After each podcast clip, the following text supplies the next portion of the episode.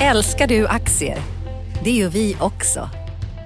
Sea Worldwide Asset Management är en av Nordens största oberoende aktiva aktieförvaltare och har samlad kunskap sedan 1986. Ta del av vår kunskap på seaworldwide.se. Bokstaven C, worldwide.se.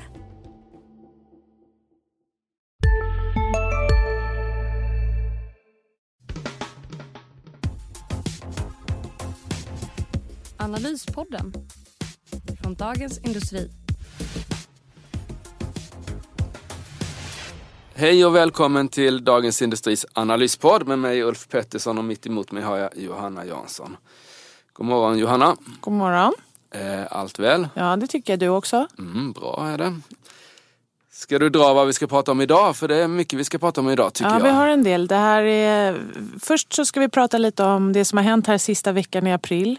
Och då har vi lite centralbanker och också lite bolag, svenska bolagsrapporter som, som har kommit in. Och ett litet börsfall också. Och ett litet börsfall. Är det så att det här är början på slutet? Eh, och du kanske kommer ge några tips också om hur man kan tänka när det gäller lite olika aktier i det här läget. Ja, kanske det Ja. om, du, om du är snäll. Ja, och, och sen så ska vi gå in lite på det som, eh, lite också lite på valutaläget och sen också om vad som händer nästa vecka. För då kommer ytterligare några spännande grejer. Det är både bolagsrapporter, konjunktursignaler och sen en väldigt viktig stämma. I industrivärlden jag som har varit ute i medierna mer än någonsin veckan som gick här. Precis. Bra, men då, då kör vi igång. Eh, snabbt och, och, och på alla sätt bra. Eh, vad tycker du? Vi har haft eh, Stefan Ingves som har, har inte sänkt räntan och sen så har vi Yellen borta i USA som inte heller sänkt räntan. Men Nej, ändå gjorde, stora hon gjorde effekter. som Ingves skrev vi på di.se. Ja, precis. Hon tog intryck av honom. Precis. Och vad, vad, vad är din bild av det här? Vad är det som, vad är det som har hänt egentligen och vad, varför blev det så och vad kan hända framöver? Det som har hänt egentligen på båda sidorna om Atlanten är att vi har tagit en liten paus kan man säga. Eller, Riksbanken slog av lite på takten. De var mindre aggressiva än vad De sänkte inte räntan. De sänkte inte räntan. Däremot så fortsätter de med obligationsköp så de gasar fortfarande. Men de trycker inte ner gaspedalen. De ökar inte trycket på gaspedalen i samma takt som tidigare. Och det var rätt tycker jag. Det verkar många hålla med om också att det var bra att pausa lite här. Men det är fortfarande så att de varnar för att det kan komma mer. Och de har eh, absolut blicken inställd på valutan så det är viktigt för dem. Och det är också viktigt för dem att få upp inflationsförväntningarna inför nästa års avtalsrörelse. Så att de, de är inte färdiga än.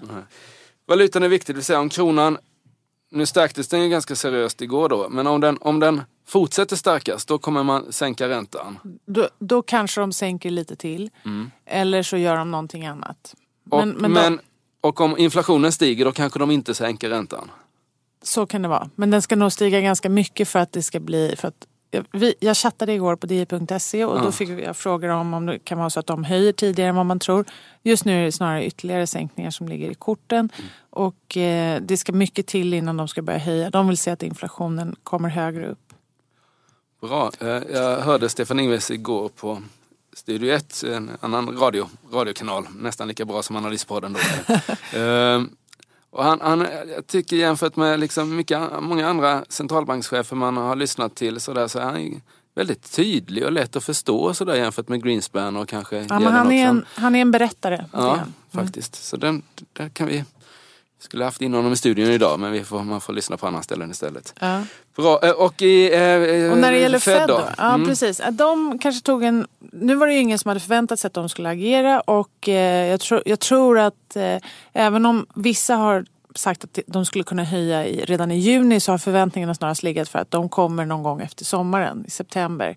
Jag tror att ja, september eller till och med senare är det vi har skrivit om i DI. Man trodde lite juni tidigare eller? Har det flyttats fram lite grann? Första Ja, kanske jämfört med för ett år sedan så har det flyttats fram. Men då, det blir ju alltid så liksom när man närmar sig prognoserna så blir det mer tydligt. Förut så kanske folk lite luddigt har pratat om någonstans kring halvårsskiftet. Men hur som helst, det som har hänt i USA är att eh, vi har haft ett ovanligt svagt första kvartal. Det är delvis tillfälliga effekter. Vi har haft kallt väder, vi har haft strejker. Eh, som har tryckt ner tillväxten under första kvartalet. Sen har vi två andra faktorer som är lite mer långsiktiga. Det är dollarförstärkningen som dämpar industrin och sen också nedgången i oljepriset som har dämpat investeringarna i oljesektorn.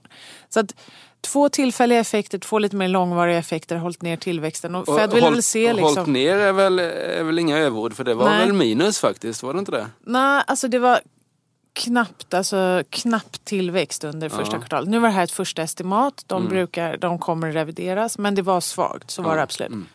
Å andra sidan så har det varit så att det mönstret senaste året har varit just ett svagt första kvartal.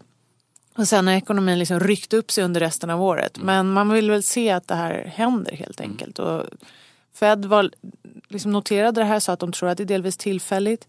Men reaktionen blev ju ändå liksom på den börsnedgång som redan fanns igår. Då, liksom, den förstärktes efter Men det var framförallt BNP-siffran och inte så mycket gälden. Nej, inte så mycket gällen. Gällen gjorde inte, hon gjorde inte så stort avtryck på börsen. Men Fed noterade ju den här svagare Mm. ekonomin som börsen redan hade tagit intryck av. Så, att, eh, så, så var det. Lite paus då från, eh, från centralbankerna av olika skäl. Mm. I Sverige för att eh, de fortsätter inte neråt för att de vill invänta och se att det ser bättre ut. I USA så tar man det lite lugnare. De vill också invänta och se om det ser bättre ut. Men de har ett annat läge. Och det har varit lite paus eller vad man ska kalla det för börsen här också. Eh, eller till och med nedgång rejält här. eh, 2 både i onsdags och torsdags och, och går ner här på fredag också.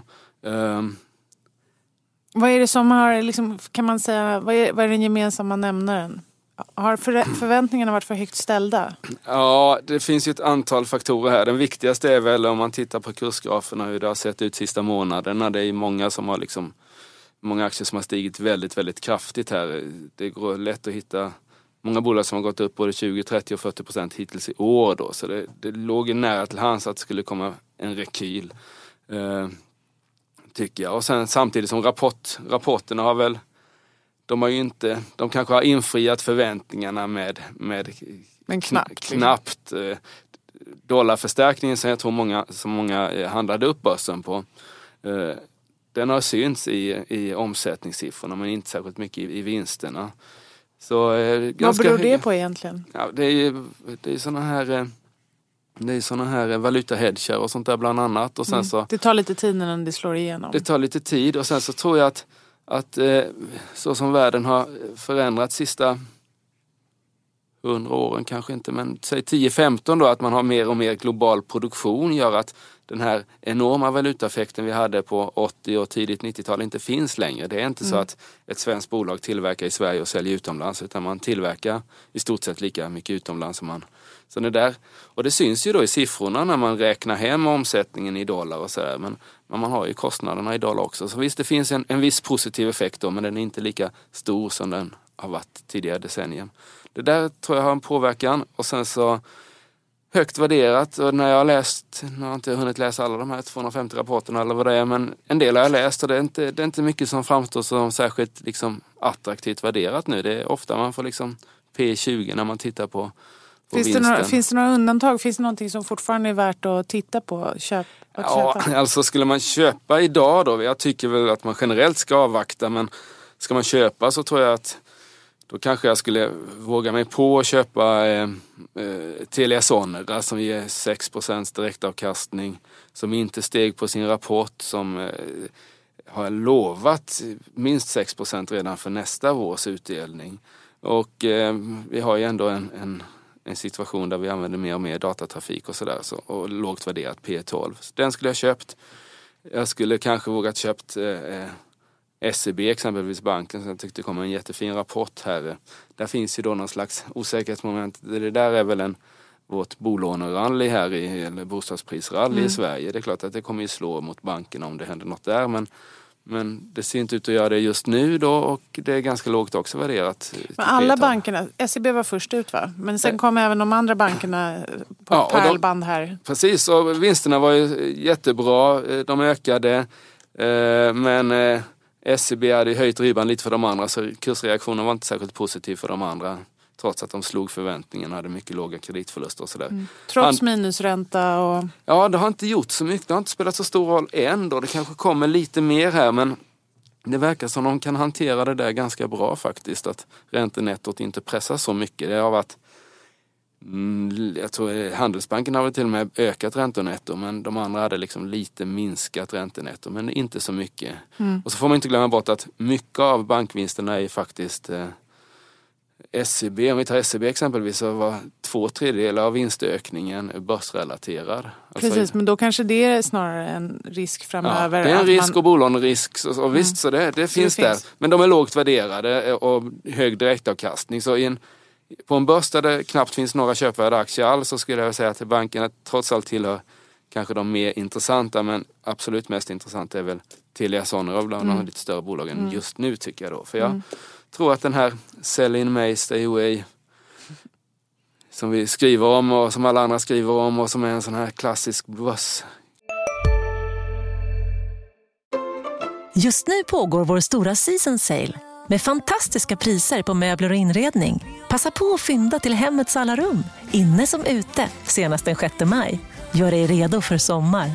Välkommen till Mio. CSRD. Ännu en förkortning som väcker känslor hos företagare. Men lugn, våra rådgivare här på PWC har koll på det som din verksamhet berörs av. Från hållbarhetslösningar och nya regelverk till affärsutveckling och ansvarsfulla AI-strategier. Välkommen till PWC. klyscha som har visat sig ganska hållbar. Jag tror att det kan, kan vara lite så. Alltså de här fyra procenten vi har sett hittills den här veckan kan det säkert bli 4-5 nästa vecka också. 4-5 procent ner alltså. Ja. Mm. Så vi får ner P talet lite grann. En, börs, en börskorrektion, en paus. En paus ja. En paus som går neråt. Men det är inte bara bankerna som har... Vi har haft en del verkstadsbolag som har rapporterat. Nu har vi varit inne och touchat det här med valutaeffekterna Ja. och sådär. Men överlag verkstadsrapporterna som kom i veckan. kan Ja, de var ju alltså, Sandvik stack ju ut eh, åt det positiva hållet. Eh, eh, besparingar plus att den var ju liksom Den har inte gått så bra den där aktien sista Mm. åren. Atlas Copco var ju snarare åt det svaga hållet. Det var ju inte, orderingången var inte riktigt vad man hade hoppats på rörelsemarginalen också där. Så, så nej, jag tycker inte verkstad, verkstad har ju dessutom gått väldigt, väldigt bra här i dollarrallyt. Så, Mm. Nej, jag tycker inte att de här klassiska svenska börsbolagen är köpvärda idag. Kan man säga att omvärldskonjunkturen fortfarande är ett stort minus men att de liksom hålls lite under armarna av valutan? Ja, men, så kan man väl säga. Men, men just att det inte gav några enorma valutavinster utan mest, mest ökade omsättningen Mm. gjorde ju att, att visst det, kom, det, kommer väl, det kommer väl gynna dem under året här. eh, Men kanske inte så mycket som man tog ut när man höjde kurserna så kraftigt som man gjort sista månaden. Nej. Tycker jag. Men du, eh, valutor då? Vad ska, man, vad ska man köpa och sälja där tycker du? Ja, alltså jag vet inte. Valutatrading är ju ett ganska osäkert kort. Men om man tänker bara för att liksom veta, kanske om man har fonder i andra valutor eller om man tittar på bolag som påverkas mycket av valutorna så tror jag att det vi har sett eh, den senaste tiden, det är ju stora valutarörelser och särskilt i kronan. Kronan har rört sig otroligt mycket så att man ska ju vara försiktig. Mm. Och eh, ha det i åtanke att det är en liten valuta som, som gärna skvalpar när det, när det blåser upp på världens hav. Och eh, när det gäller eh, den, den stora valutan som präglar utvecklingen i botten så är det ju euron mot dollarn och där har vi ju haft en paus också. En paus som har gått lite uppåt då. Alltså att dollarförstärkningen kommit av sig. Ja. Och det är de här svagare siffrorna från USA, den här motvinden som USA har haft första kvartalet. Att man skjuter då möjligtvis förväntningarna på en det. första Att, Fed-höjning att, lite att de där skulle nå pari- eh, paritet som det ett mot ett här. Det, Nej, det blev inte riktigt det så. Inte. Och vi skrev ju om det, det för någon månad sedan, liksom lite varning för dollarn. ja. Och eh, nu sk- skriver jag igen att ja, men vi har, det är nog en paus. Men jag, jag tror ändå att eh, liksom USA är ändå en, en starkare ekonomi än euroområdet. Och USA har överraskat negativt nu på grund av den här motvinden under första kvartalet. Men det har också gjort att förväntningsbilden har skiftat lite. Nu har euroområdet mer att leva upp till. De måste bevisa sig. Och egentligen i grunden så har det inte hänt så jättemycket där. De gynnas lite av motsatta faktorer. Svagare euro, lägre oljepriser, ja lite sånt där. Och sen så har men de ju men sitt... det är liksom ingen, det är ingenting som, och sen ECBs QE, men det är ingenting drastiskt som har hänt som gör att man ska förändra sin långsiktiga syn på euroområdet egentligen. Så du tror fortfarande att, att dollarn kan, kostar lika mycket i svenska kronor som euro här eh, någon gång under året eller?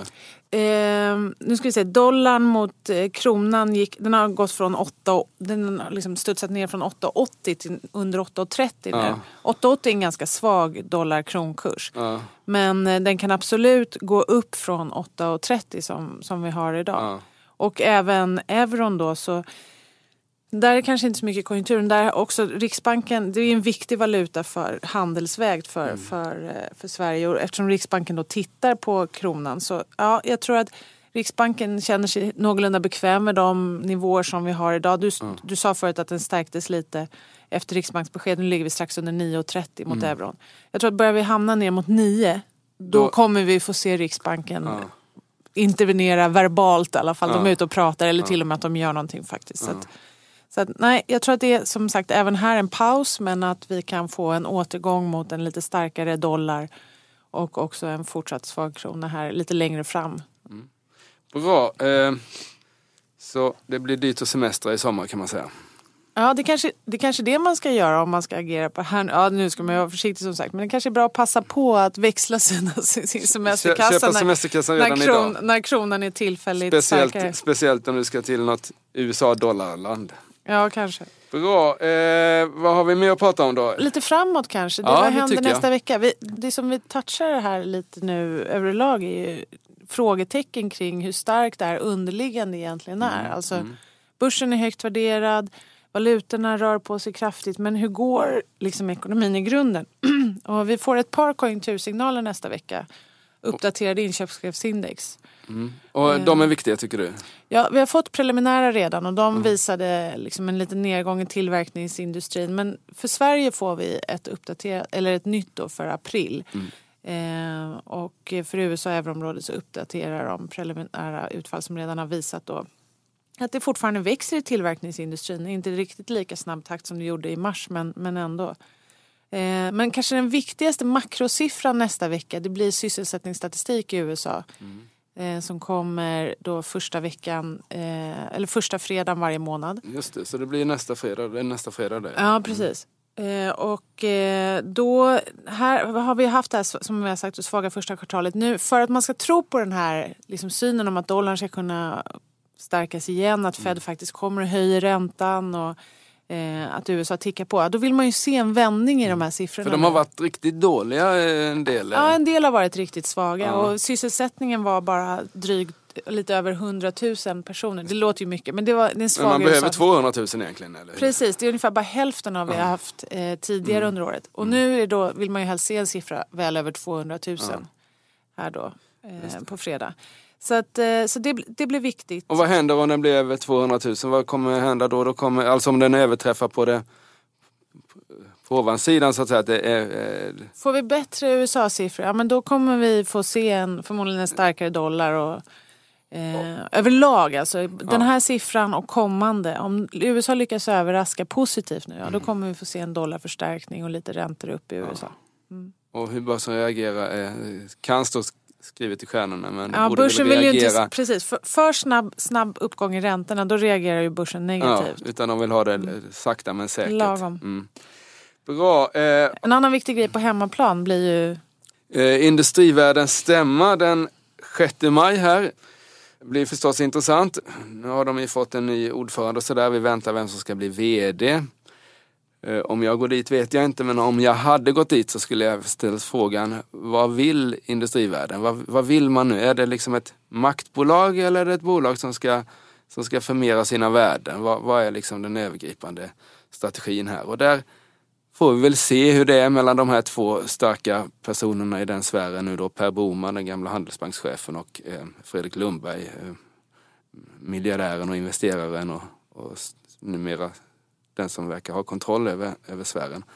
Jag är inte säker på att de vill samma sak på lång sikt. Jag tror ju att Per Boman vill att Handelsbanken ska vara en självständig bank som ska ha en oktogonen som ger sina anställda eh, stålar och sådär och att bolaget inte blir uppköpt av Deutsche Bank någon gång när det är sådana tider. Liksom. Han vill se till att det är oberoende. Medan Fredrik Lundberg vill väl egentligen att allt ska bli mer värt sådär. Och det kommer inget hända i 6 maj här men det är ju där som liksom det är där stridslinjen kommer ske sen. Liksom. Vem, För det är inte, det är inte för evigt givet att de har samma, samma mål här. Att de, har haft, Nej, de har haft det nu. Men de har haft det nu liksom. För, för Per Boman kände väl att turbulensen kring, kring sfären gjorde att det riskerade att, att skada Handelsbanken. Men nu blir Och Lundberg allierar- starkare och Och starkare. då allierade han sig med Lundberg. Men om det är en liksom allians som håller hela livet, det, det tror jag inte. Men vi får se, se vad som händer här. Men det är en intressant stämma i alla fall. eh, Och den avslutar ju på något vis den här En- fantastiska precis. händelseutvecklingen vi haft i, i den där sfären. En annan sak som också sker i veckan är faktiskt att Storbritannien går till val i ett ovanligt osäkert, Just det, ett osäkert val. Så det är inte bara på stämman det ska väljas utan även i, i just Storbritannien. det. Det kan ju vara det som vi snackar på riktigt om här. Det är på söndag va? Eller? Den 7, 7 maj, så det är 7 redan i, i veckan då som Just kommer. Ja.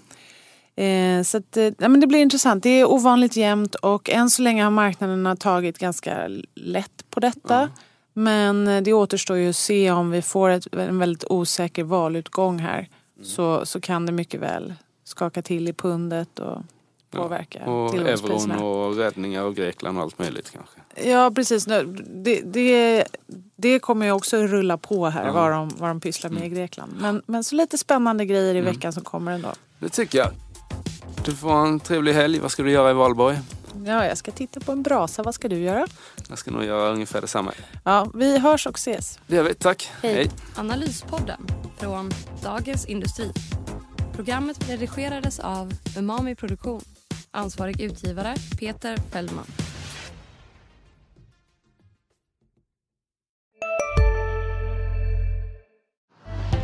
Älskar du aktier? Det gör vi också. Sea Worldwide Asset Management är en av Nordens största oberoende aktiva aktieförvaltare och har samlad kunskap sedan 1986. Ta del av vår kunskap på seaworldwide.se. Bokstaven C, worldwide.se